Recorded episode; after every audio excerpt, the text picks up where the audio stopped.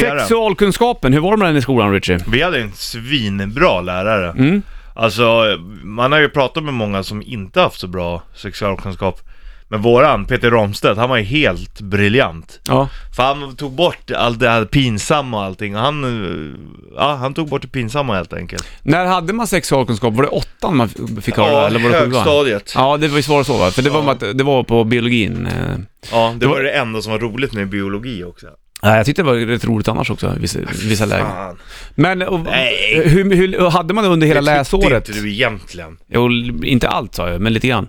Hade man vet du, det, sexualkunskap under hela läsåret eller var det bara liksom, jag kommer fan En inte ihåg. del det. av biologin var det. För oss, man kanske hade det under ett par veckor eller några månader. Så kanske det var va? Och så gick man igenom då hej och hå. Ja. För jag kommer ihåg våran lärare också, Sune, eh, han var ju för, för jävla bra han faktiskt. Ja. Han var väldigt såhär, inget problem. Så här Ja. är det bara liksom. Alla Ja. bara okej, ja ja.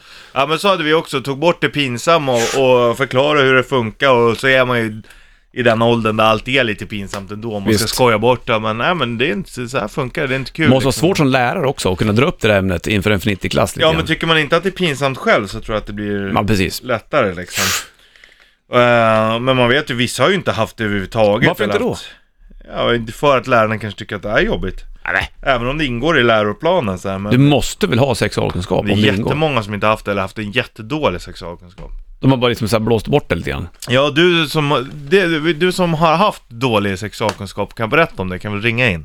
gör det. 0225 25 10 Ja, För jag vet att det är många som har haft dålig, vi, ja, för vi- när jag berättar om våran, då, då har det ju varit så att vi har haft riktigt, riktigt bra Ja, för jag har också bara haft bra. Men eh, okej, det är kanske folk som inte haft någon sexualkunskap alls då.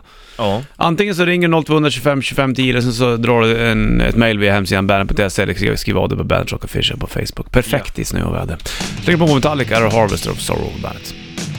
Skjutsade du babes på limsadeln när du var liten? eller?